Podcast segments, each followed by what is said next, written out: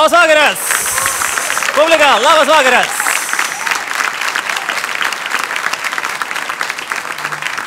Labas vakaras ir sveiki atvykę į Laikykitės ten su Andriumi Tapinu.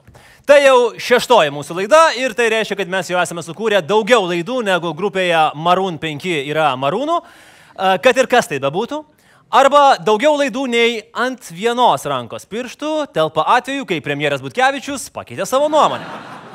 Gerai, iš karto žvelgime giliau ir e, rubrika savaitės citata. Štai ką šią savaitę pasakė vienas mėgstamiausių mūsų politikų. Šiandien Lietuvoje leidžiasi geležinė uždanga, kuri atskiria du pasaulius - globalistinį apimtą neoliberalistinio šyšo ir nacionalinių vertybių, kurį reikia ginti nuo susinaikinimo. Kas šios frazės autorius? Trys variantai - Paksas, BA arba CB. Ir teisingas atsakymas yra taip, jis, krajojantis Rolandas. Kas kitas, jei ne jis. Bet frazė, ponai, jau kažkur girdėta. From Stettin in the Baltic to Trieste in the Adriatic, an iron curtain has descended across the continent. Behind that line, Tik du politikai gali būti tokie išvalgus - Čerčilis ir Paksas. Bet kaip širdžių prezidentas sugebėjo išvelgti tą geležinę uždangą? Arba 2006 metais pakilęs aplink pasaulį jis pamiršo nusileisti ir vis dar suka ratus naudodamas tuos pačius degalus ir stipriai pažydas ilgalaikio chemtrailo poveikiu? Arba rinkimų nakties pasiekmes jam buvo dar sunkesnės nei mūsų žurnalistams atrodė naktį. Man atrodo, kad jūs imat šiandien ne pirmą interviu, kad taip maišot savokas, reiškia. Pelenus, šlovė ar kažką panašaus. Tai, Iš pradžių buvo šlovė, paskui buvo šiek tiek praščiau. na, žinot, e, politika tai yra ne vienos dienos reikalas ir net ne vienų e, rinkimų reikalas. Būna kartais geriau, būna kartais praščiau. Truputį pinasi liežuvis, bet čia dėl streso nebejotina, tik dėl jo. Šiaip rinkimų naktis yra unikalios. Vieni politikai jaučia nenugalimą potraukį slystelti ant kamščio tuo metu, kai tave stebi turbūt daugiau kamerų negu už tave balsavo žmonių. O kiti atvirkščiai demonstratyviai geria vandenį, tipo oi oi, ir nešiodami tą stiklinę su vandeniu stengiasi kuo dažniau atsidurti tų pačių kamerų akiratyje. Žiūrėkime. Tada į Olandus, grįžtam atgal, Hebra laukė, po lietum stovim, Sublenė sakė ne. Tai tada penktą valandą gal važiavo, tas sakė. Nu, yra žmonių, kurie nori patekti į ekraną. Galbūt sėdė. Taip, šast kestutis masiulis. Op, aš esu gerasis masiulis. Čerčilis nerimavo dėl Europos likimo. Paksas apsimeta, kad rūpinasi Lietuva, tačiau iš tiesų geležinė uždanga leidžiasi ant tvarkos ir teisingumo partijos. Jei bus nuspręsta, kad partijos naudai buvo masyviai perkami balsai, nusileis ne tik uždanga, mėly bičiuliai, užgrius visi metaliniai vartai kaip kokį rankorą žvaigždžių karuose. Na, o kita širdžių prezidento citata parodo, kaip svarbu gyvenime turėti ištikimų draugų. Tokių kaip Pukotukas ir Paršelis. Kaip Don Kichotas ir Sančia Pansa, kaip Grybauskaitė ir Ušatskas, kaip Bonnie ir Klaidas, kaip Hanas Solo ir Čiubaka, na, o mūsų atveju Paksas ir Respublika. Ta, kur kabutėse. Nes kai apsimetė esantis laikraščių, kabutės būtinos. Respublika - ta vieta, kuri visada priima pakso citatas ir minčių kratinius, kuriuos kažkas suklydęs gali pavadinti politiko nuomonę. O iš to susiliejimo atsiranda nauja gyvybė. Pavyzdžiui, išskirtinio Rolando Pakso interviu Respublikai autorė Daiva Montvilaitė tokio susiliejimo meilės vaisius. Nes nei iki interviu, nei po jo tokios žurnalistės darbų Respublikoje aptikti nepavyko. Nes Daiva Montvilaitė neegzistuoja yra nupirktas ir sukurtas personažas. Nes net ir Respublikos žurnalistams yra nesmagu pasirašinėti po užsakomaisiais interviu. Ir draugystę stiprina ne mažas dovanėlės, o dideli užsakyti straipsniai. O ir pačiame straipsnėje paksas puikus. Citata. Pirmiausia, norėčiau pasakyti pagirimą į žodį Respublikos leidinių grupiai, jos žurnalistams. Esate žurnalistinė kohorta, kuri palaiko sveiką tautinį, patriotinį ir idealistinį pradą. Au, kaip mėla. Kaip restorane, susimoku ir dar palieku arbatpinigių. Nes geras žodis yra svarbiau už pinigą. Beje, trumpas anegdotas nuo maestro. Ateina Paksas į Dantonijo, laukia Vainausko ir užsisako kotletą. Ir sako padavėjai, norėčiau kotleto ir gero žodžio. Padavėjas atneša kotletą, Paksas klausia, o kur geras žodis? Padavėjas sako, nevalykit to kotleto. Na, čia medinis toks, bet ką darys. Pinigas visada svarbiau. Belenkiek milijonų kartų svarbiau. Pff, kaip maži vaikai. Mokyk ir mokyk. Aš jau, kad pinigas yra svarbiau. O tas geras žodis toks, sakyčiau, ne. Esate žurnalistinė kohorta, sako kaip mūsų išbarščių atstatydintas prezidentas ir atsistatydinęs tvarkiečių lyderis. Kohorta? Kohorta. Gerai. Pasižiūrėkime į tarptautinių žodžių žodyną. Kohorta. Didelė žmonių grupė. Na, eh, netokia jau didelė, net ir išgalvotų žurnalistus įskaičiavus. Susitelkęs būrys Respublikoje, na gal, gal. Ir C variantas - gauja. Ir čia atstatytas prezidentė tiksliai apie savo draugus pasisakėt. Esate žurnalistinė gauja. Jūsų pasirinkta kryptis kur kas sunkesnė, linkiu ir toliau laikytis ir nepasiduoti. Pone Paksai, noriu pasakyti tik vieną dalyką. Kai kohortos redaktorius išsiaiškins, ką reikia, ką reiškia šis žodis, jūsų straipsniai brangs. Tad laikykitės ten. Na, o kita mūsų bėda yra konservatoriai. Jiems negalima laimėti. Ne, ne taip. Jiems negalima leisti net pagalvoti, kad laimėjo. Antraip jų smegenys ima virti ir prasideda kažkokie negryžtami procesai. Ir tai net ne Napoleono kompleksas. Šitą kompleksą Tevinė sąjunga turėjo visada. Ar žinote, kad Upsalos mokslininkai nustatė, kad iki Landsbergio ir Majausko pasirodymo vidutinis lietuvio konservatoriaus ūgis buvo 4,6 cm mažesnis už šalies vidurkį. Bet procesai smegenyse prasideda tik pajutus, kad galima laimėti. Trečias mano nuopelnas, kad aš sugebėjau tapti prekės ženklų tarptautiniai bendruomeniai. Prekės ženklų, Lietuvos prekės ženklų. Lietuvos prekės ženklų tarptautinėje bendruomenėje. Jeigu esbo erdvėje, kuri yra nuo Vankuverio iki Vladivostoko ir dabar jau iki Ulanbatoro, kas nors pasako Vilija, tai niekas neklausia, kokia valstybė ir kokia pavardė, visi žino, kad čia aš. Va taip, išeini į gatvę, pastabdai mašinas, pasakai Vilyje ir visi viską žino. Ir tas mostas toks nuo Vankuverio iki Vladivostoko.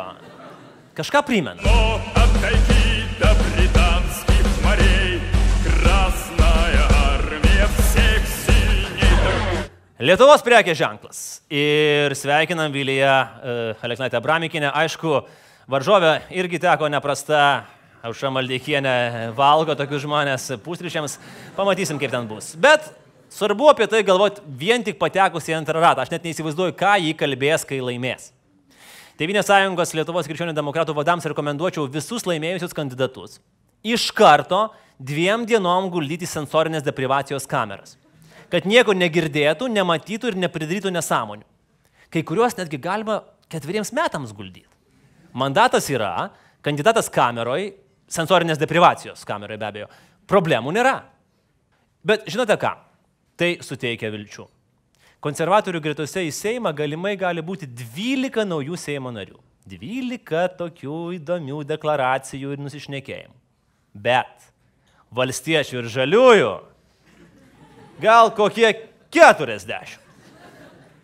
Va čia, ponai, bus fejerverkai. Va čia bus amerikietiški kalneliai. Va čia vaikyti mums darbo niekada nepritrūks. Su tuo ir sveikinu mūsų jauną demokratiją. Gerai. Na, o dabar pakalbėkime apie architektūrą. Vienas baisiausių ją ištikusių dalykų - saugotojai. Ne galaktikos, ne, ne, tie tai normalūs, net ir kalbantis meškienas normalus. Paveldo saugotojai, kuriems viskas, kas pastatyta sovietmečio, atrodo kaip intergalaktinė klasika. Žaliojo tilto balvonai mūsų praeitis, griuvantis sporto rūmai - šedevras, geraitės policijos pastatas čia apskritai yra unikumas, tiesiog gaudinį Meyeris ir geri viename.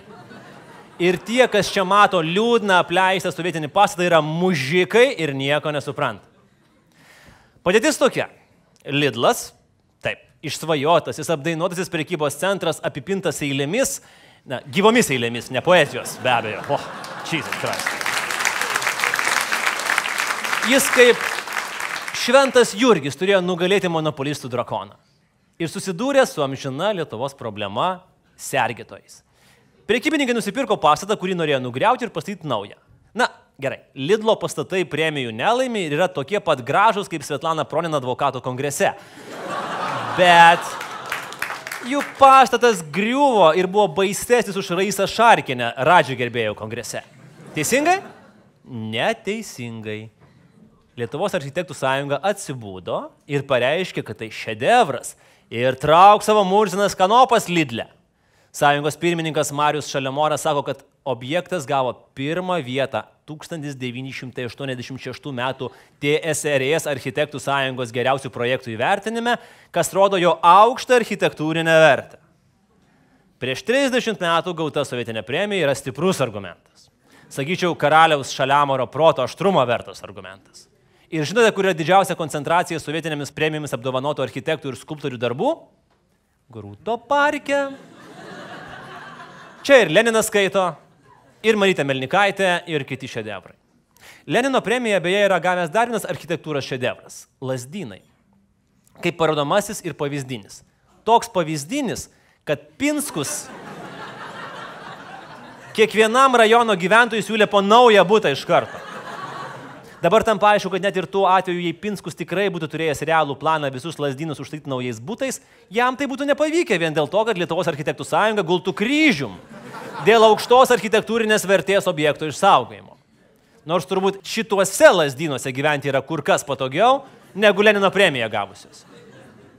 Įdomu, ar lasdynų gyventojams patiktų, jeigu ateitų architektai ir sakytų, nelabai galite renovuoti savo būto, nes jūsų būtas yra gavęs Lenino premiją.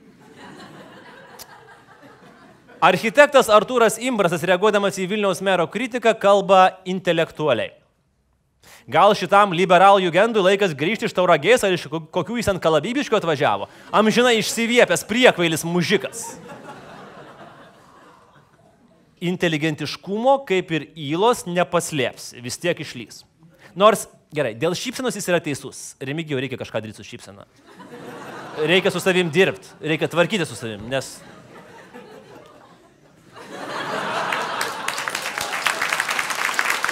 Tiesiog nervai nelaik. Sergėtojų pusėn stojo ir kultūros paveldo departamentui pavaldi komisija, kuri dar visai, visai neseniai sakė, kad žaliojo tilto skulptūros puikiai dera prie Vilniaus kraštovaiščio. Kroksai gediminui labiau tinka negu žaliojo tilto skulptūros Vilniaus kraštovaiščiai. Kudirkai labiau tinka basutė su baltom koinėm negu, nu, esame supratę. Šlapių sovietmečio sapnus sapnuojanti architektų sąjunga atsibuto ir suprato, kad jo fansai mes dabar galime blokuoti milijoninės investicijas. Ir kaip juokinga, kad iki Lidlo šitas NKVD vaibas kleičiantis vaiduoklis architektams rūpėjo lygiai tiek pat, kiek Aurelijui Verygai išgerti. Bet architektai išdidus. Jie nemano, kad atsibudo. Niekas negali sakyti, kad architektų visuomenė pavėlavo su reakcija. Juk nesėdi darbę ir negalvoja, kad štai kažkas paims ir kažką nugriaus. Iš tikrųjų, prieš porą metų pamačius šį pastatą niekam negalėjo kilti tokia šventvagiška mintis, kad jis bus greunamas. Jis buvo tikras rajono traukos centras, kuriame pulsavo gyvenimas. Šimtas ponų susirinkdavo ir net giraitės gatvė linkdavo. Taip? Lidlas nesupranta, ką reiškia turėti reikalų su homo sovietiniais sergėtojais. Jei būtų supratę, būtų galėję perimti didžiųjų konkurentų pensijon išleistą šūkį apie viską pagalvota, bet apie viską pagalvota nebuvo vokietukai. Būtumėt žinoję, tikrai būtumėt rinkęsi kitą architektūros šedevrą. Pavyzdžiui, kirtimų taborą, kalvarijų turgų arba šiaip kokį nors šiukšlyną užmestyje ir tikėjasi, kad tame šiukšlyne nėra užsilikęs koks nors sovietinis apdovanojimas. Ir architektai dar pasakė ne viską. Ta pati Eifelio bokštą norėjo nugriauti, sako architektai, bet praėjo laiko ir žmonės galų galiai įsisamonino, kad ir tai yra vertybė. Paprasčiausiai praėjo per mažai laiko. Ir tas pastatas Giraitėje dar netabo vertybė, kurią jis taps, tarkime, po 50 metų. Sveikiname, Lietuvoje turime naująjį Eifelio bokštą.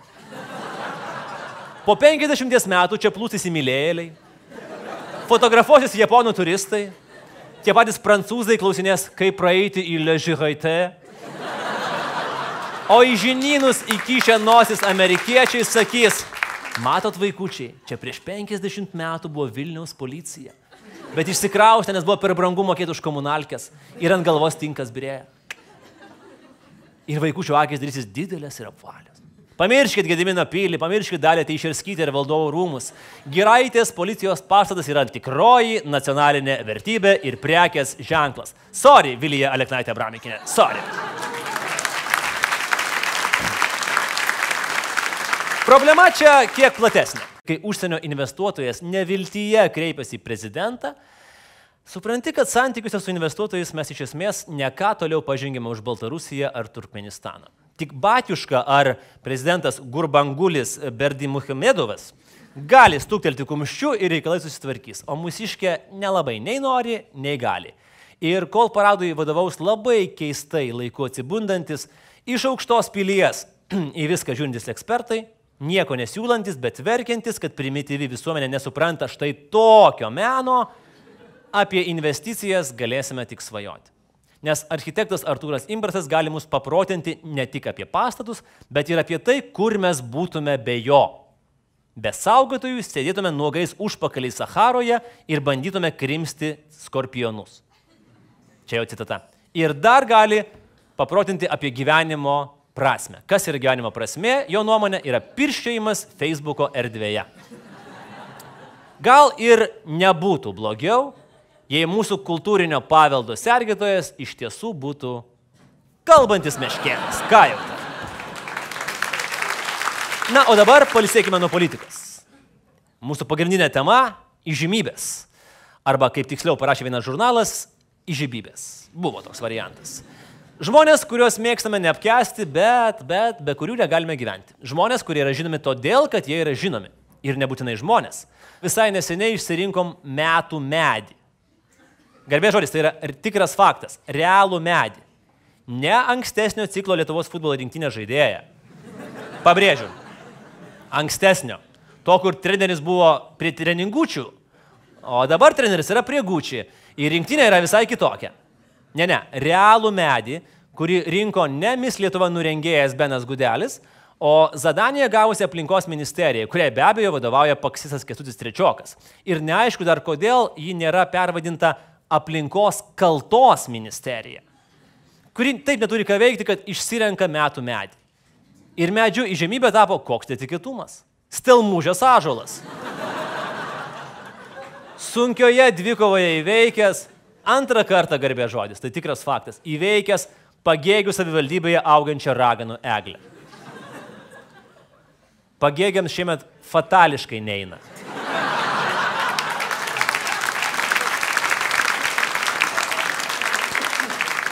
Cigaretės trumpina, vienas Komskis šunį nušovė, antras į Seimą nepateko, trečias truputį su balsų pirkimu užlėkė ir dar net raganų eglės nepavyko prastumti į metų medį.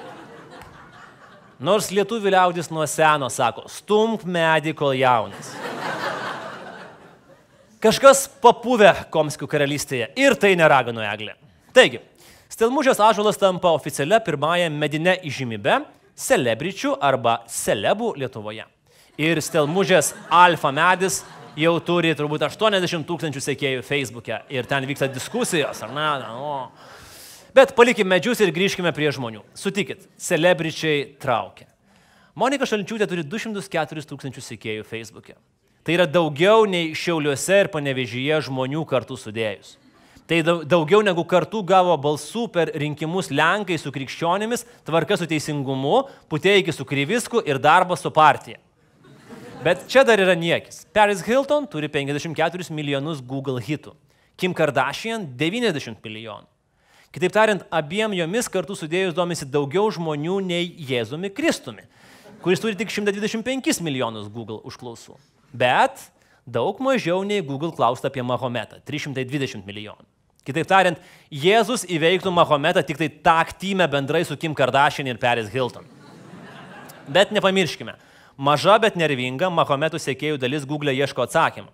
Esu Briuselio oro uoste, koks greičiausias kelias pas tave? Arba nori įsitikinti, ar ten jų tikrai laukia 40 nekaltų mergelių. Patarimas merginoms - nemirkit nekaltos, nes rojoje jūsų laukia teroristai. Ar visada tai buvo? Ar tik mūsų laikais žmonės taip nukvako, kad negali gyventi nesužinoję, kokiais batais žudikai savėjo viena saba ar kokią seksualumo bombą susprogdino kita? Bičiuliai, apie tai prirašyta krūvos akademinių traktatų, iki žinot. Tai Aida.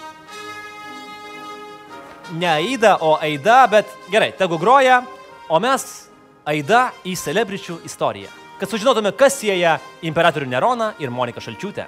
Ferencą Listą ir Ugnių Kiguolį. Celebričių buvo visuomet. Senovės Graikijoje jais dažniausiai tapdavo olimpiniai čempionai, tokie kaip Milonas iš Krotono, kuris jauti užmuždavo vienu kumščio smūgiu. Jeigu Atėno parlamento, tai yra Areopago, rinkimuose būtų buvę liberalai, jie tikrai užtikrintai būtų kėlę Milono iš Krotono kandidatūrą, nes tokie sportininkai jiems patinka. Senovės Romoje prie jų prisijungė aktoriai ir dainininkai. Ir aišku, romėnai mums padovanojo patį žodį celebritas. Juos greitai pralenkė gladiatoriai, ypač šitas. Beje, jis buvo pirmasis celebas taip greitai persikraustęs iš pirmųjų aukštuomenės kronikų Romoje puslapį į penktąjį kriminalinių naujienų puslapį. Romos rytas nebejotinai rašė apie Girto Spartako siautėjimą naktinėme klube.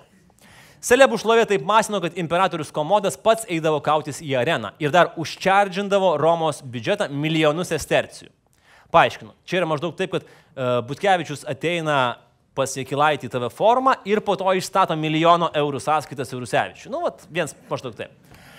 Keičiam plokštelę. Katalikų bažnyčia. Viduramžiai. Kardinaliai pakeitė požiūrį į celebričius. Septynis amžius nuo 5 iki 12 turėjo celebų monopolį. Nori būti įžymybė, turi būti krikščionis ir dar šventasis. Pripažinkime, tuometinis žurnalas Populus arba latiniškai žmonės turėjo būti gan nikus.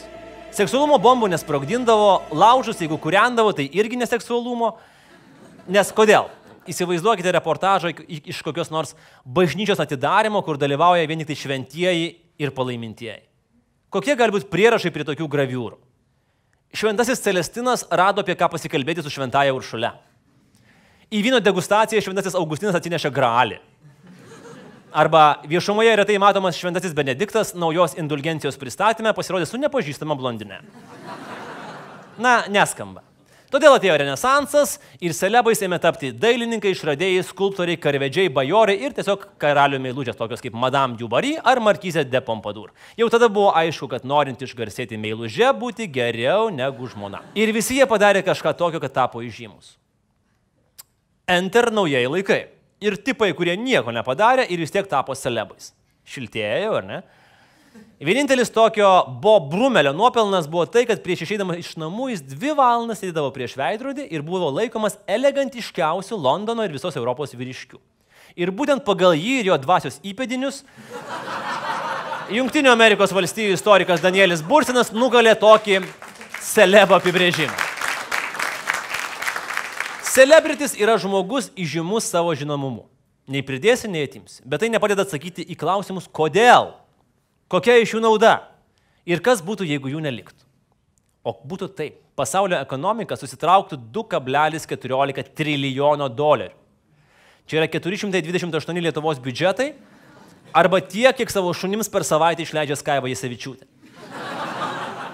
Tiek vertinama yra pramogų industrija. O būkime atviri, ją priekin varo celebai. Šimtas brangiausiai apmokamų pasaulio celebų netektų 5 milijardų dolerių užsidarytų tokie žurnalai kaip Hello, OK, People, Gent, Oji ir žmonės ir klubas LT. Ir tas užsidarytų. Darbą prarastų milijonai fotografų, grimerių, maketuotojų, žurnalistų, redaktorių, operatorių, režisierių, coacherių, gelinių nagų prieaugintojų, kirpėjų, dizainerių, stilistų, šunų kirpėjų, šunų stilistų, šu, šunų gelinių nagų prieaugintojų. Netgi tie žmonės, kurie galvoja tas fantastiškas paantraštės prie nuotraukų komiksuose, ir tie prarastų darbą. Kitaip tariant, kai kitą kartą vėl imsit burnoti pamatę pirmose puslapiuose Nataliją Bunkę, jos sesę ir Manto Petruškevičių, prisiminkit, kad jie yra tie, kurie tiesia mums kelius, stato darželius ir užtikrina nemokamą mediciną Kauno klinikose. Na gerai, gal persistengiau. Bet jie tikrai varo ekonomiką į priekį, būdami tokie dideli kaip Šiaulė ir Panevežys kartu sudėjus. O dabar arčiau Lietuvo žmonių. Tiksliau, žmonių kabutėse. Anksčiau norint tapti įžymiu reikėjo arba kažką sukurti, arba nugalėti. Taip. Vėliau prisijungė tie, kurie išgarsėjo permiegodami su kažkuo jau garsiu, arba kažką...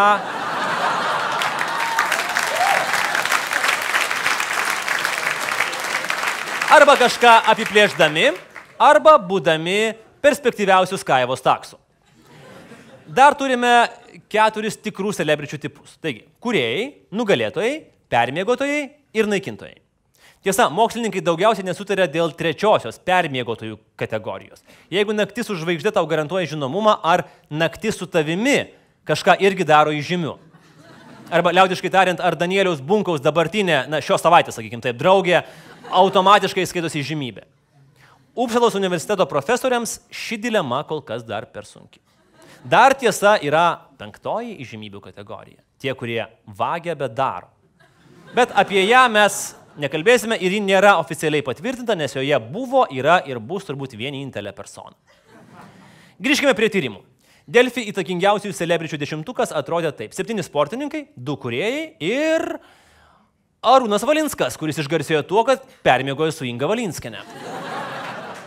Gerai, o kurią iš šių keturių kategorijų priskirtumėte tokias lietuviškas žvaigždės kaip Eglė Maklevojaus su Sodra Jaskaitė, Žilvinas Turiu daug šortų Grigaitis, Monika Neminėkit pinigų kartos Šalčiūtė, Saugirdas Gyvenu tik dėl savo Katino Vaitulionis, Inga Rožinis gimtadienis Stumbrienė, Jolanta Nepriminkit praeities Leonavičiūtė, Oksana Nepriminkit kilimo Pikul, Marina Nieko nepriminkit Bui, ar Jonas Priminkit viską. Jonas. Pripažinkime Danielio Bursino teisybę. Šie žmonės žinomi dėl savo žinomumo. Ir čia yra trys problemos. Pirma, kartais nieko nedarantis ir nieko nekuriantis celebričiai nusprendžia, kad jie nori dalyvauti visuomenės gyvenime ir politikoje. Ne pati geriausia idėja. Kai kam pavyksta, pavyzdžiui, Ronaldui Reiganui arba Arnoldui Schwarzeneggeriui. Arba netgi Italijos parlamente besusikinėjusiai porno žvaigždai Ilonai Staller. Žinoma, tai tikrai neprilygo tai pornografijai, kurią Lietuvos Respublikos Seime 2008 metais išdarinėjo ištisa mūsų celebričių tautos prisikėlimo partija su Arūnu Valinsku prieš akiją. Idėja buvo gera, bet čia cituoju patį Arūną Valinską. Taip, idėja gera, bet castingas nekoks. Arūnai, tu teisus. Castingas buvo siaubingas. Tiek išdavikų, išverstas kūrių, lebedų ir dviveidžių melagių mes dar nematėme. Jie geriau būtų tikę filmui Brutas ir jo burys.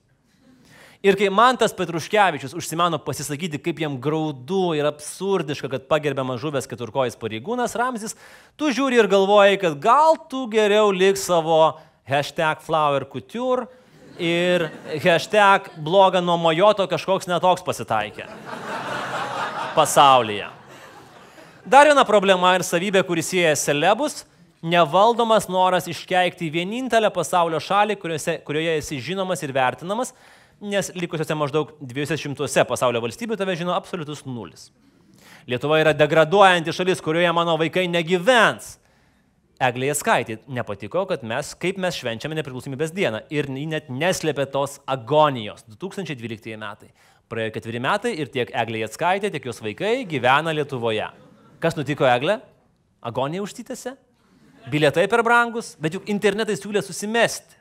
Ai, ai, ai. Kita mūsų celebė Simona Milinytė.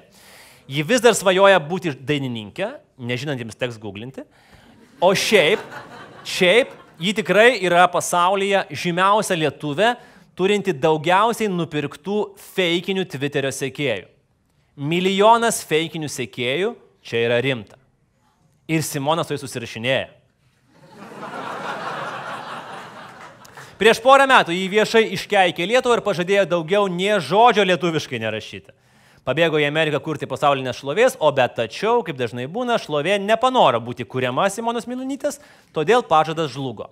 Simona toliau rašo lietuviams ir lietuviškai. Ai, ai, ai, ai. Emigracijos akimirkos silpnumui buvo pasidavęs ir kitas Lietuvos kuriejas - kultūros ministro pilkasis kardinolas Egidijus Dragūnas. Susipykęs su apsaugos darbuotojais jis irgi žadėjo emigruoti, bet kažkaip čia taip kažkaip. Taip. Bet jeigu Egidijus vis dėlto sugalvotų emigruoti, prašome tik vieno. Egidijų, parašyk Lietuvai laišką iš Paryžiaus. Parašyk taip romantiškai, kaip tu vienintelis moki rašyti viešoje erdvėje. Mantas Petruškevičius nekartą viešai teigia, kad svajoja apie emigraciją, bet po jo paskutinio tokio pasisakymo žiniasklaidoje mūsų žiniomis pasirodė 247 straipsniai apie jį, todėl spėju, kad jis vis dar čia.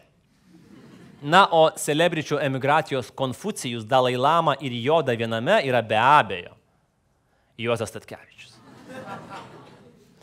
Jeigu mes kada nors įsteigtume Lietuvos keikimo ministeriją ir konservatoriai per klaidą nepaskirtų jos Mantojo domenui, tai Juozas užpildytų ten visas pareigas. Nuo ministro iki valytojo. Paskui galvelės togas pavažiuoja. Užtat mes ir matome tokių nesveikų dalykų, kas vyksta visur aplamai. Pradedant nuo parlamento iki nesamoningų statymų ir, ir, ir, ir, ir iš vis viskas kažkaip tai nežmonėm pas mus.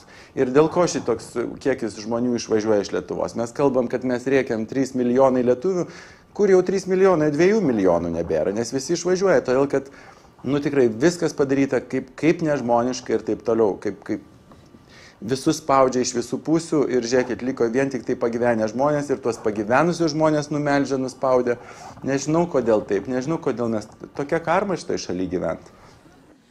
Juozas ir karma. Konfucijus, Kantas ir Sokratas viename, tikrai. Bet disclaimeris. Aš tikrai myliu Juozą. Aš myliu tai, ką jis daro, aš myliu jo hashtagus happy, jo unikalią skirybą, jo naktinius rantus Facebook'e, jo nuotraukas su cigarete po maratono ir, žinoma, jo nuogus selfius su draugais. Kas nemyli tokių dalykų? Myliu, kad duodamas interviu jis yra įsitikinęs, kad tikrai yra socialinių tinklų žvaigždė. Citata. O kas čia yra? Tiesą pasakius, sėdi ant puodo, įdedi nuotrauką, nieko nedarai, o žmonės laikina, tai ką čia sunku? Juozai, su visa pagarba, bet vis dėlto, jeigu tu įkeli savo pusnogio nuotrauką ir ją palaikina tik šeši žmonės, įskaitant tave patį, ne, ne visai tu dar esi socialinių tinklų žvaigždė. Ir Juozas niekaip negali išbūti nepagrasinęs emigraciją. Na niekaip. Netgi senoliai sako, jei per metus Juozas bent kartą nepagrasins emigraciją, derlius bus prastas. Tai jis neįvertintas, tai jam medalių per mažai, tai lietuviai neįmanomi žmonės, tai į kolekcijos pristatymą susigrūdo kaimas, tai uodega tik pačiam pasikelti tenka ir dar tie mokesčiai, kuriuos valstybė melžia. Juozai, kandidatuokit į Seimą. Akimirksniu susioptimizuotit viską iki nulio, jums paaiškins kaip. Šiemet Juozas pratrūko dėl balsuojančių lietuvių. Ir žinote, norėjau sakyti, Juozai, važiuok. Važiuok, Juozai. Pamirštų šitą ašarų pakalnę. Kil kaip įkaras į pasaulinę šlovę. Bet kas tada 2017 metais mums grasins emigraciją? Kas perdarys skirybą iš esmės? Kas fotografuos savo nuogą šlaunis palangos kopose? Ir kas 3000 kartų per metus panaudos hashtagą happy? Juozai, nevažiuok. Lauksime naujų pareiškimų apie emigraciją kitą metą 2017. Juozai, nežudyk šitos gražios tradicijos. Žinoma, kaip ir kitų tradicijų. Manote, kad čia yra tik tai jaunų kvailų noras pažaisti emigracijos grasinimais? Tikrai ne. Štai tas pats, beje, vis dar be darbo esantis. Vytautas Šustauskas dar 2013 metais grasino emigruoti į Baltarusiją ir ten prašytis politinio prieglopščio. Irgi melavo. Nėra ko pasitikėti Lietuvoje, nes Šustausko negali pasitikėti. Vienintelė iš A lygio, tikrai A lygio žymybių, kuri šimtų procentų įvykdė savo grasinimus, tai neringa Venskienė. kuri dar 2010-aisiais garsiai svarstė apie migraciją, o pažadą įvykdė po trijų metų. Iš kur pas juos visus tiek aistros grasinti emigraciją? Gal čia yra kokio slapto vadovėlio, kaip tapti įžymybę Lietuvoje, vienas iš slaptų punktų? Kai trūks dėmesio, grasink emigraciją. Nes tik tokių perlų Lietuva netekusi supras, ką prarado. Nes celebričiai tikrai jaučiasi neįvertinti po viso to, ką jie padarė Lietuvai. E, Lietuva tiesa nežino, ką didžioji dalis padarė, tiek to. Na, bet būkime ramus, neprarasime mes tų lietuviškų perlų ir žemčiugų, nes tik pas mus jie gali spindėti, rudis ar varį maskuoti. Savame kieme pranašų būsi ir dar kaip būsi. Kiekvieną savaitę tai rodo celebričių Biblija žmonių žurnalas. Kai kam iš jaunimo jie atrodo kaip role modeliai, kaip spindintis pavyzdžiai. Mano jaunieji draugai ir draugės. Nenorėkite būti žinomi vien tam, kad būtumėte žinomi.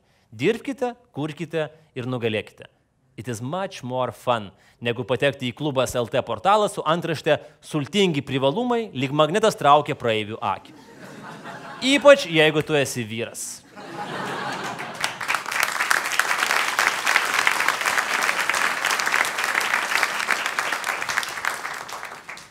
Mes daug kalbėjome apie žmonės, kurie yra žymus dėl to, kad jie yra žymus. Tačiau šį vakarą laidos svečias yra tikrai pasaulinio lygio Lietuvos išimybė, kuriam ploja ir Londone, ir didžiosiuose koncertų salėse. Ponios ir ponai, pasitikite, akordeono virtuozas Martinas Levickis. Sveikas, Martinai. Sveikas, prašau.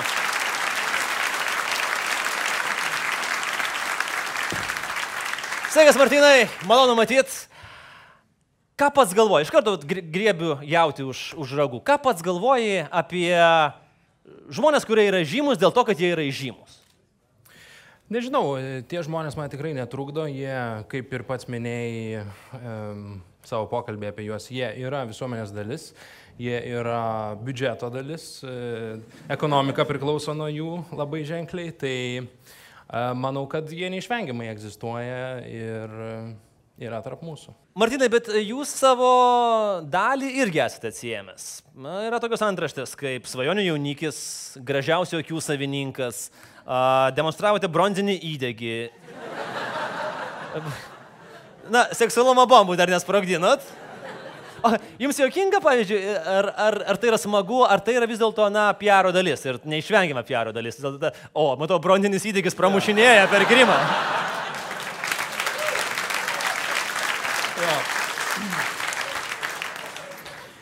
Aš manau, kad visi, net ir šioje salėje esantys žmonės ir žmonės, kurie žiūri anoji pusėje ekranų, daro selfius. Tai yra normalu. Tai lygiai taip pat ir aš, kaip paprastas žmogus, pasidarau selfie. O tai jo kažkoks portalas jį pasiima ir uh, uždeda antrašę apie bronzinį įdygį, tai čia jau jų yra kūriamas turinys. Bet vėlgi, man tai netrukdo. Čia žaidimo taisyklės. Aš mėgstu suderinti šiek tiek galbūt nesuderinamą. Ką aš transliuoju savo turiniu, ne visada būna labai popsova, ne, ne visada būna labai pigu, tiksliau, labai retai būna pigu. E, Bet e, pateikti tai šiek tiek populiariau, šiek tiek prieinamiau bendrai publikai, man pačiam kaip akordinistui, kaip e, klasikinės muzikos atstovui, tai yra būtina.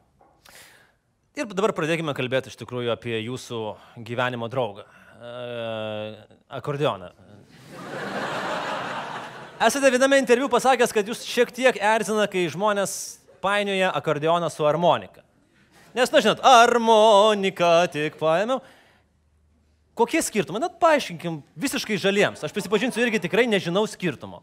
Kuo skiriasi? Tai ne šiek tiek nervino, labai nervina, nes tai visa mano karjera pastatyta ant to nervo yra iš tikrųjų. Em, Skirtumų yra nemažai, bet ir panašumų taipogi yra nemažai. Šitie visi instrumentai, bandonionai, harmonikos, akordeonai, bajanai, visi jie yra aerofoniniai instrumentai, visi jie turi dumplės. E, tomis dumplėmis yra sukūriamas garsas, tai yra judančių orų viduje e, sukūriamas garsas, kuris eina per metalinius liežuvėlius esančius viduje. Tai visose instrumentuose lygiai tas pats. Tiesiog skiriasi būdas atidaryti mm, klaviatūroje, klaviatūros kitoje pusėje esančią skilutę. Tai ar, ar tai yra klavišai, ar tai yra mygtukai, jau priklauso Tai nuo- nuo jokio to skirtumo realiai nėra. Jo, nu, iš, iš principo moksliškai žvelgiant, tai skirtumas nėra toks didžiulis, bet, tarkim, aš negalėčiau paimti harmonikos ir dabar pagroti jums čia visiems susirinkusiems. Tikrai aš nemokėčiau to padaryti. Kada supratot, kad vis dėlto tikrai valysit duoną ir sviestą ir, kiek suprantu, iš jūsų gastrolių įkrus uh, iš akordeonų? Supratau visai neseniai, tiesą pasakius, todėl kad nors ir bebaigdamas prestižinę Karališkąją muzikos akademiją Londone, aš iš jos išeidamas paskutiniais metais galvojau, o kasgi dabar bus. Nes aš nesu smuikininkas, aš nesu mm, nepučiu dūdos, tiem žmonėm paprašiau, jie gali bent jau į orkestrus aplikuoti ir tapti prestižinių orkestrų nariais. Aš kaip akordinistas supratau, kad išeinu į gatvę kaip pabaigęs kokią verslo mokyklą ir, gal, ir turėčiau susikurti savo verslo idėją, o kaipgi dabar. Bet kažkaip pasisekė likimo dėka, produceriai mane atrado Londone bebaigianti jau tą akademiją ir, ir kaip tik po baigimo vasarą prasidėjo dėrybos dėl naujo galimo albumo, kurį išleidus jau kitų metų pradžioje ir užsisuko visas tas e, ratelis, kuris iki šiol ir sukasi. Ar tai yra legenda ar mitas, kai e, jūsų repeticijoje sudalyvavo princas Čarlzas? Buvo toks atvejis. Tai nėra legenda, tai nėra mitas, tai yra faktas. Jūs turite liudininkų, nes... Kamila, Šiausai. Jo, man bedalyvaujant Edinburgo džiazo festivalyje 2014 atrodo, e, jie apsilankė mano repeticijoje ir paprašė, kad pagročiau lietuvių liaudės dainą. Tikrai specifiškai tai paprašė, tai labai džiaugiausi, kad nereikėjo net aiškinti, kur yra Lietuva, bet aišku, tokio lygio žmonėms ir jie, ko, ko gero, ne, nesilankė, karalienė lankėsi Lietuvoje. Tai nežinau, ar įtakos daug turėjo mano karjerai, ko gero kiekvienas mažas dalykėlis kaupėsi į kolekciją ir, ir tų... e, Aš manau, žinot, kai poko- princas paprašo jūsų atlikti dainą, tai turi įtakos karjerai. Kažkaip taip turi tokį įtarimą, nes... Jūs grojat labai skirtingą muziką. Nuo klasikos, nuo Vivaldžio iki Lady Gaga arba kitų, kaip sakoma, perkat ir jaunimo balsus. Tikrai taip. Nu, nors vienas.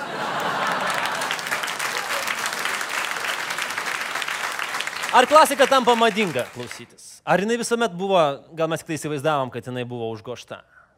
Ar vis dėlto reikia, rei- reikia tos difuzijos, tai yra, kad, na, tam pačiam koncerte jaunimas išgirstų ir Lady Gaga, ar, ar Michael Jacksoną, ir tada jam truputėlį per smegenis ir Vivaldžio, ar Bacho, ar... ar, ar...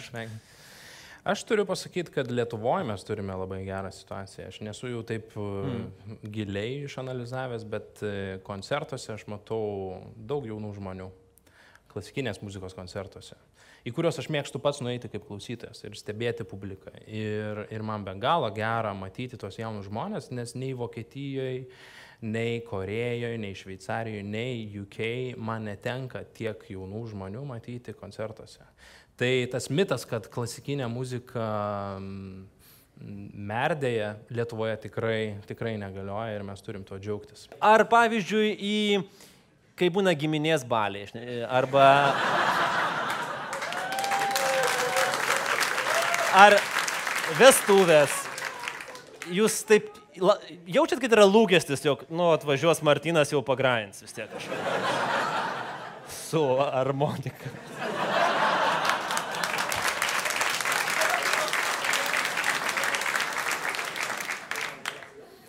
Lūkestis toks tikrai būdavo ir aš e, nevengdavau pagroti, bet tuo metu man būdavo 10-12 metų. Aš turbūt ir neprašomas tada grodavo turbūt. Tikrai taip, tikrai taip. Ir iš tikrųjų buvau tas vaikas, kuriam patikdavo užlipti ant scenos. Aš netgi susikurdavau tą sceną, ar tai būdavo laiptai prie, prie įėjimo ar, ar dar kažkur. Tai man patikdavo tai daryti, bet aš netgi vesdavau tam tikrą discipliną tose baliuose, kad per mano grojimą negalima ne, ne, nei gerti, nei valgyti ir aš žiūrėdavau. Ir va, tikrai- šitas pasąmonė. Va iš kur pasąmonė atėjo šitas, reiškia, žinai. Ir žiūrėdavo, ar tikrai klausosi. Geras. O kartais į repertuarą įtraukdavau ir tokių šiuolaikinių kūrinių, kuriuos jau vėliau pradėjau mokintis. Bet turiu menį šiuolaikinių, ne, Pavyzdžiui? ne pop šiuolaikinių, bet e, klasikinės šiuolaikinės muzikos originaliai, kur tos akordionai, kuri dažniausiai yra be galo, forsas tokį žodį, gruzova, iš tikrųjų apie labai gilius dalykus ir ten daugybė ir klasterių, ir įvairių efektų mm, išraiškos. Pats tas vestuvėms. Tai parinkdavau ir tokių. Ir tada lūkesčiai taip mažėjo. supranti? Labai mažėjo. Iš tikrųjų, jau tada galėdavau ir baigti savo pasirodymą po šito. Po šito. Bet smagu būdavo, kaip suprantu. Tikrai taip. Vienas iš jūsų karjeros postumių, turbūt galima drąsiai sakyti, buvo jūsų pergalė Lietuvos talentų konkurse, bent jau lokaliai Lietuvoje. Kaip jūs jautėtės ir koks buvo, pavyzdžiui, jausmas perimti titulą iš bičio, kuris groja dantimis?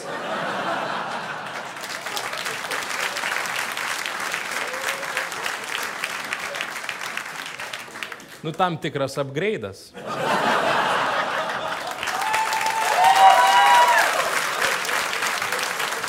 Žinot, yra tiesos.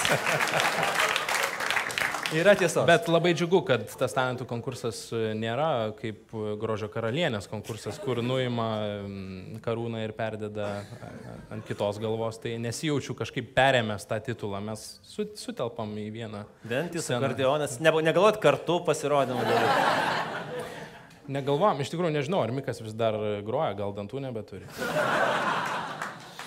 Martinai, paskutinis klausimas labai sunkus, nes jį visi scenaristai čia kartu ruošiam, susėdę. Uh, kokie yra artimiausi jūsų ateities planai? Labai konkretus, artėja šventės, artėja naujai. Kiek girdėjau, bus, turit labai įdomių koncertų, imsit arenas, papasakokit, pa, pa, pareklamuokit. Imsim arenas. E, Iš tikrųjų, planų yra ir daugiau negu iki gruodžio mėnesio. Jau vasario mėnesį, visą mėnesį praleisiu Kinijoje turuodamas, didžiuosiuose Kinijos miestuose, ko labai didžiuojuosi ir džiaugiuosi.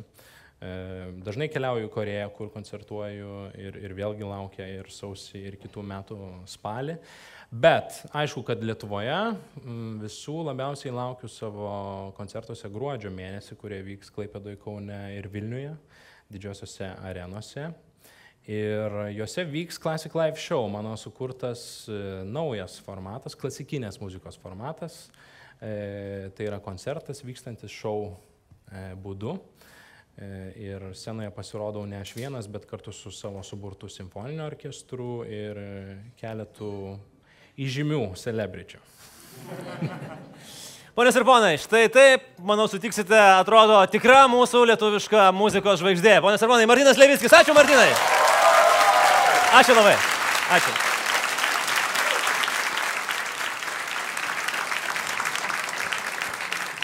Štai ir viskas mūsų laidoje. Ačiū visiems žiūrėjusiems ir iki malonaus pasimatymo. Laikykitės ten, bet dar neplokite. Dar vienas dalykėlis.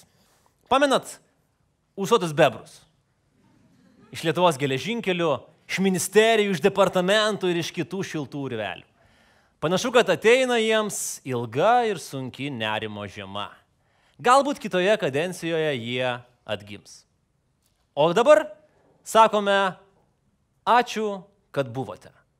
Ir laikas jiems tarti sudė.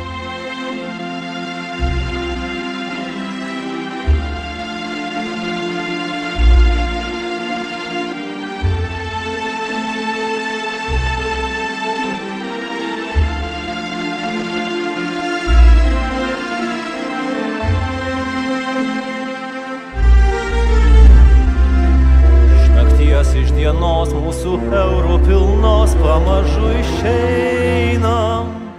Iš valdžios prarastos, iš kvailybės savos nejučia išeinam.